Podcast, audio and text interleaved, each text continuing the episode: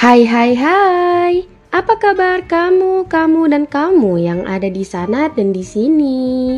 Di mana pun kalian berada, aku harap kalian semua dalam keadaan yang baik ya.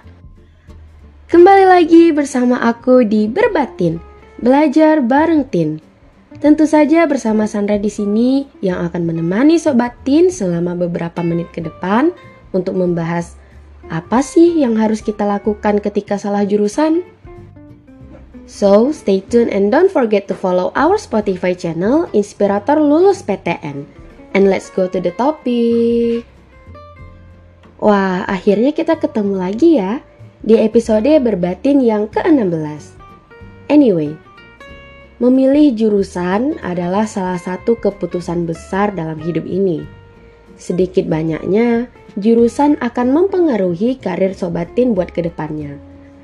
Oleh karena itu, Betapa menyenangkan jika bisa masuk dalam jurusan yang sobatin sukai dan bekerja pada bidang pekerjaan yang kita cintai. Namun, bagaimana jadinya jika kita berada dalam posisi yang sulit? Seperti karena nggak lulus seleksi, kemudian jadi terpaksa mengambil jurusan lain yang bukan passionnya sobatin, atau karena alasan lainnya, sobatin harus memilih jurusan yang tidak terlalu sobatin sukai.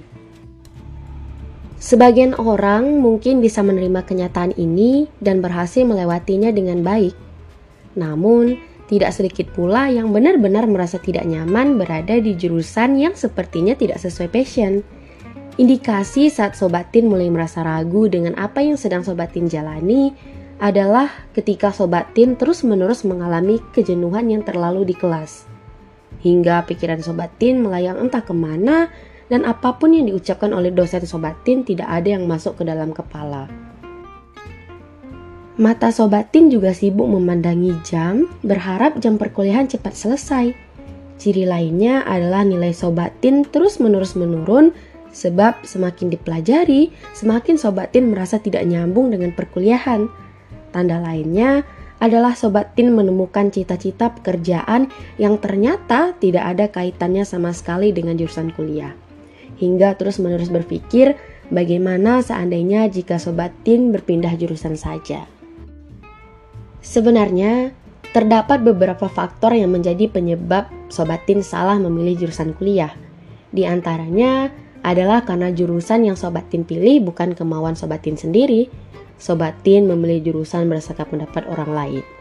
Penyebab lainnya adalah karena Sobat Tin memilih jurusan itu cuma karena ikut-ikutan teman atau hanya demi gengsi semata.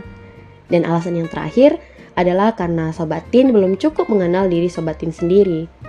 Kurangnya pemahaman mengenai minat ini membuat Sobat Tin akhirnya memilih jurusan secara asal yang mengakibatkan Sobat Tin salah jurusan.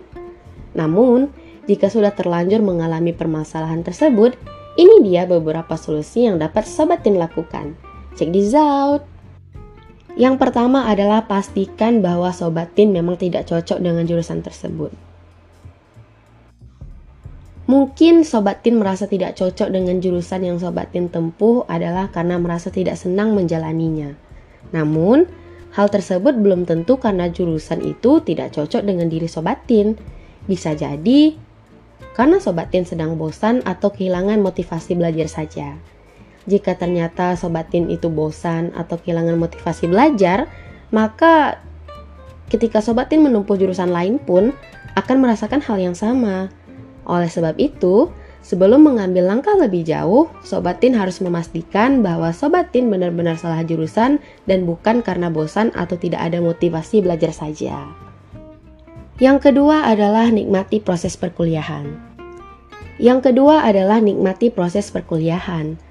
Merasa tidak cocok dengan jurusan kuliah bisa jadi karena terlalu tertekan dalam menjalani proses perkuliahan. Terlebih lagi jika materi yang dipelajari tidak Sobat Tin sukai. Jika hal ini terjadi, maka Sobat Tin hendaknya bisa membuat diri Sobat Tin menikmati proses perkuliahan dengan lebih santai. Misalnya, dengan menemukan teman yang cocok, mengubah cara belajar, atau sesekali menenangkan diri dengan refreshing atau liburan. Yang ketiga adalah jika sobat tin memang bisa, ayo pindah jurusan. Jika memang sudah tidak sanggup menjalani kuliah di jurusan tersebut, maka cobalah mencari informasi mengenai pindah jurusan. Apakah Sobat Tin bisa pindah ke jurusan lain atau tidak? Jika Sobat Tin pindah jurusan, biasanya ada mata kuliah umum yang ada di semua jurusan, sehingga Sobat Tin tidak perlu mengulang mata kuliah tersebut di jurusan baru. Meski begitu, Sobat Tin harus benar-benar mempertimbangkan jurusan baru yang akan Sobat Tin pilih. Jangan sampai Sobat Tin kembali salah dalam memilih jurusan. Yang keempat adalah kuliah double degree. Selain pindah jurusan, Sobat Tin juga bisa mengikuti program kuliah double degree atau twinning program.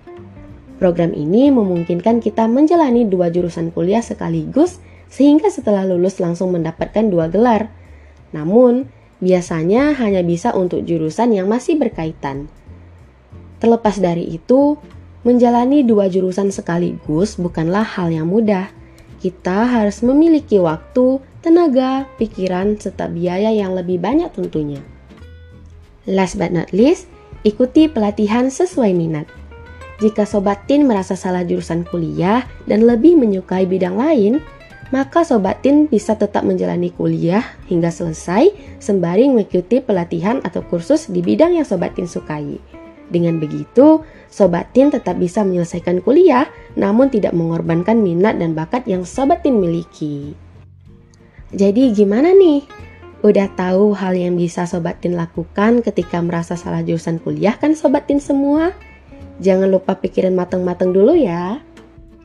Oke, karena aku udah menemani Sobat Tin selama beberapa menit ke belakang, gak kerasa, ini saatnya kita berpisah. Tapi jangan sedih, karena di episode selanjutnya, aku bakal kembali lagi dengan bahasan-bahasan yang lebih menarik tentunya. Semoga berbatin yang aku sampaikan di episode kali ini bisa menambah insight untuk Sobat Tin semua ya. Bukan hanya ijazah yang dihargai, tapi proses belajarnya dan bagaimana bisa menjadi seperti sekarang ini. Oh iya, aku juga mau ngingetin nih, selain di platform Spotify, Tin juga hadir di berbagai platform sosial media lainnya loh, seperti Instagram, YouTube, dan juga TikTok. Jangan lupa buat mampir, serta follow dan subscribe, agar Sobat Tin semua gak ketinggalan sama konten menarik dan informasi terpercaya di platform Tin lainnya ya. Baiklah, aku Sandra pamit undur diri. Sekian dan terima kasih untuk hari ini. Sampai jumpa di episode berikutnya. Dadah!